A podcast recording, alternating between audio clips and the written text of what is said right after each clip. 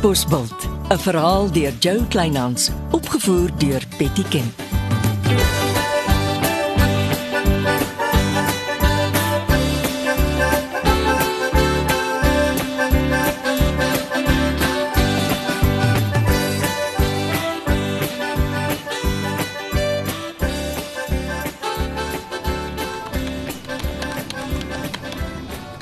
Meneer se mengsel rooi vergeetwortel en liquorboomblare. Ek is seker daarvan meneer het dit nie gedrink terwyl ek weg is nie. Nee, ek het nie. Dit lyk interessant, dankie. Sit. Dis seker hoekom Chris hier so kla oor meneer.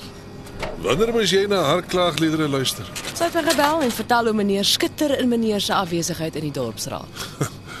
As daar iemand is wat agtergekom het wat 'n titel is, is dit ons raadslid Celie. Sy vat sommer links en regs oor by ons geagte burgemeester. Sy wou my weer natuurlik aanstel as haar nuwe fabrieksbestuurder. Eh, Dis nie dat uh, ek dink jy kan nie die werk doen nie, maar jy is in die aard op halfmens in Chrissy se skuur nie. En meneer is reg. Ek sal nie. En hooplik hou sy nou op. Ek het jou erfmotor se boekwaarde nagegaan.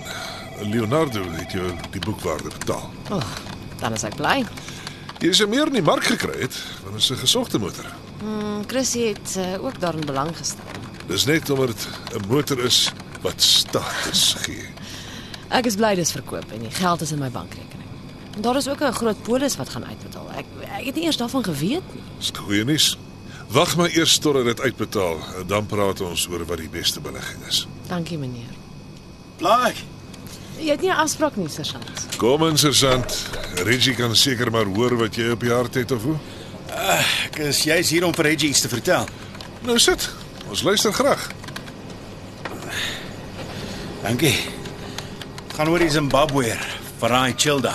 Die man wat teen alle verwagting borg gekry het. Ja, en my weer slags laat rondrol in my bed. Omdat die man in Rolbos bly, het die hof beslis hy moet een keer per dag by die polisiestasie daar aanmeld. Maar tussenin kan hy weer steel soos hy wil. Hy het gister nie aangemeld nie. En daar is onmiddellik 'n lasbrief vir sy arrestasie uitgereik.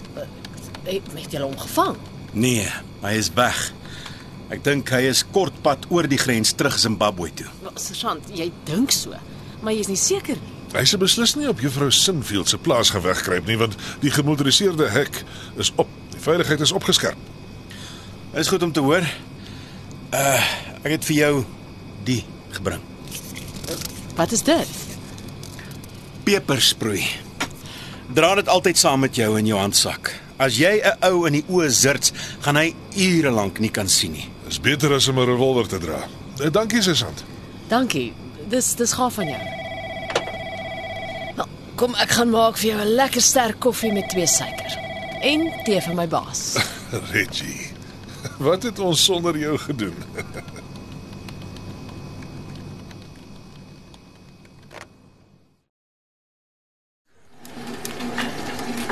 Jy oefen lekker.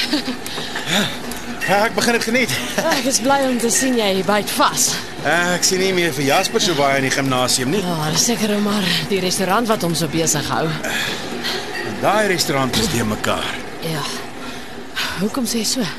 Ek mag eintlik nie uitpraat nie, maar Monique Marits het vandag 'n eislike klag kom inhandig. Wat 'n wat 'n klag. Hou dit maar vir jouself, maar daar is van haar skoene uit die restaurant se sitkamer gesteel. Hoe gebeur dit? Daar is dan 'n kamera in die sitkamer. Ja, iemand het die kamera daglank afgeskakel. Ek moes vanmiddag met Leonardo Leroux en Jasper praat vir hulle verklaringe vra. Dis mos sleg. Ek dog Leonardo spoeg vuur. Al die skoene is uit die sitkamer terug na Monique toe. Maar wat sê Jasper?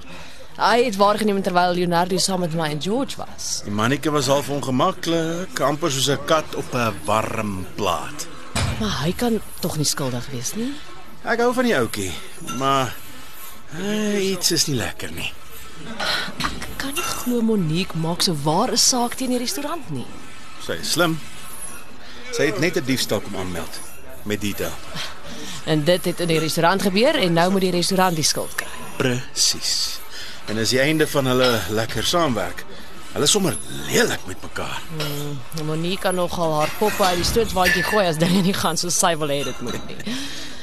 So praat julle twee darm alweer met mekaar. Ja, soort van. Sy het my kop de mekaar gepraat oor daai bakkie. Niks wat gebeur het is haar skuld nie. Dis alles maar eintlik raadslid Silje se skuld. Katbos, soos sy haar noem. Daai twee gaan mekaar nog uitroei.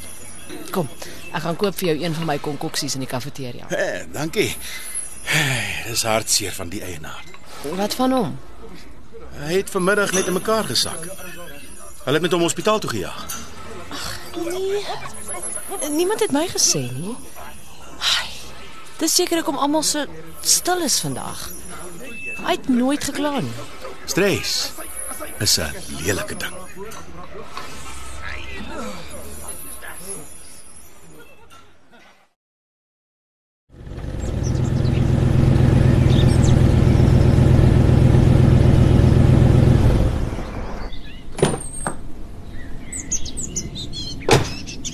Middag sergeant. Hoekom is ek op Richelieu? Kom ons sit op die bankie onder die boom, meneer. Mooi plaas. Kort net aandag. Die kaptein het my gestuur om onderhoude te doen met die vyf plaasmense wat klagtes teen die juffrou ingehandig het. En hoe het dit gegaan? Hier is net twee gesinne oor. Richelieu het sy mense na ander plase geskuif omdat hulle afgeskaal het op die plaas. Laat ek raai. Die vyf mense is toe almal geskuif. Ja. en niemand kan my 'n adres gee presies waarheen nie. Meneer moet tog asseblief vir niemand sê ek vertel vir meneer al die goed nie. Jy weet ek sal dit nooit doen nie. Met ander woorde, dit was alles net 'n slim plan om Shirley uit die verkiesing te kry. Dit lyk so. Ek raai, die verkiesingskommissie gaan die saak onder die mat invee. En Shirley Sinfield sit nog steeds met die klad op haar naam. Ek het die Jasper gevra of die lede van die verkiesingskommissie by hulle restaurant geëet het. En wat sê hy toe? Aan mekaar en elke keer was alles op die huis. Met ander woorde, Leonardo Leroux het die verkiesingskommissie in die sak en boot toe. Hulle gaan nie golwe rondom hom maak nie. Al is daar hoeveel van sy vingerafdrukke op die blou koeverte. Maar ek tog dan Leroux hou van die juffrou. Dit gaan oor wie sit op die dorpsraad. Chrissy Celie gaan beter na Leroux se belange omsien as juffrou Sinfield. Dis nooit anders nie. Net 'n meer gesofistikeerde manier van korrupsie. Kan ek meneer 'n groot guns vra? Natuurlik. Kan ons my vangwa by meneer se kantoor parkeer? Dan ry ek gou saam met meneer. Daar is 'n saak wat ek nie met die vangwa wil opvolg nie. Jy's uh, lekker aan die gang, né? Net toe, kom ons ry.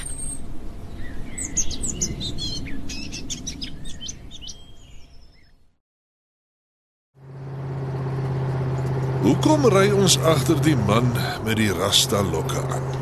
Ek wil kyk waar hy bly. Dit lyk soos 'n draadwerkkunstenaar, is dit nie? Stadig meneer. Hou stil. Ek kyk sommer met my verkyker. Wie is die man wat jou so besig hou? Sy motorfiets het by die huis op die hoek ingedraai. Nou weet ek waar hy bly.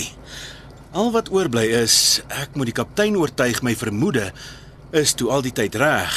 Nou is ek baie nuuskierig, sergeant. Ek glo dis Garys Gans wat met sy nuwe rasta hare reg onder ons neuse by die kunshoek bedrywig is. Met Monique se hulp.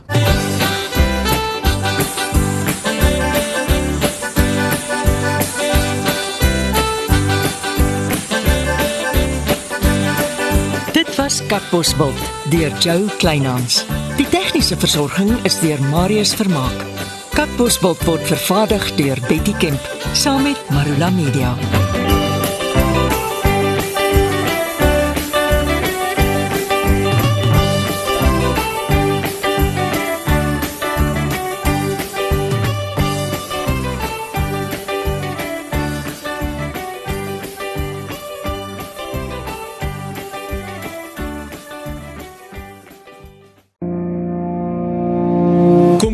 Saam met my, Kurt Darren en nege van my sokkie musiekvriende op die Super Sokkie Bootreis 2024. Marula Media gaan ook saam vanaf 8 tot 11 Maart 2024 en ons nooi jou om saam met ons te kom sokkie op die musiek van Jonita Du Plessis, Early B, Justin Vega, Jay, Leani May, Nicholas Lou, Jackie Lou, Dirk van der Westhuizen Samantha Leonard en Ray Dillon. Afrikaanse musiek gaan weer klink van die kuierareas tot die dek tot reg in die teater van die splinte nuwe MSC Splendide. Bespreek nou jou plek op die Super Sokkie bootreis by www.msccruises.co.za.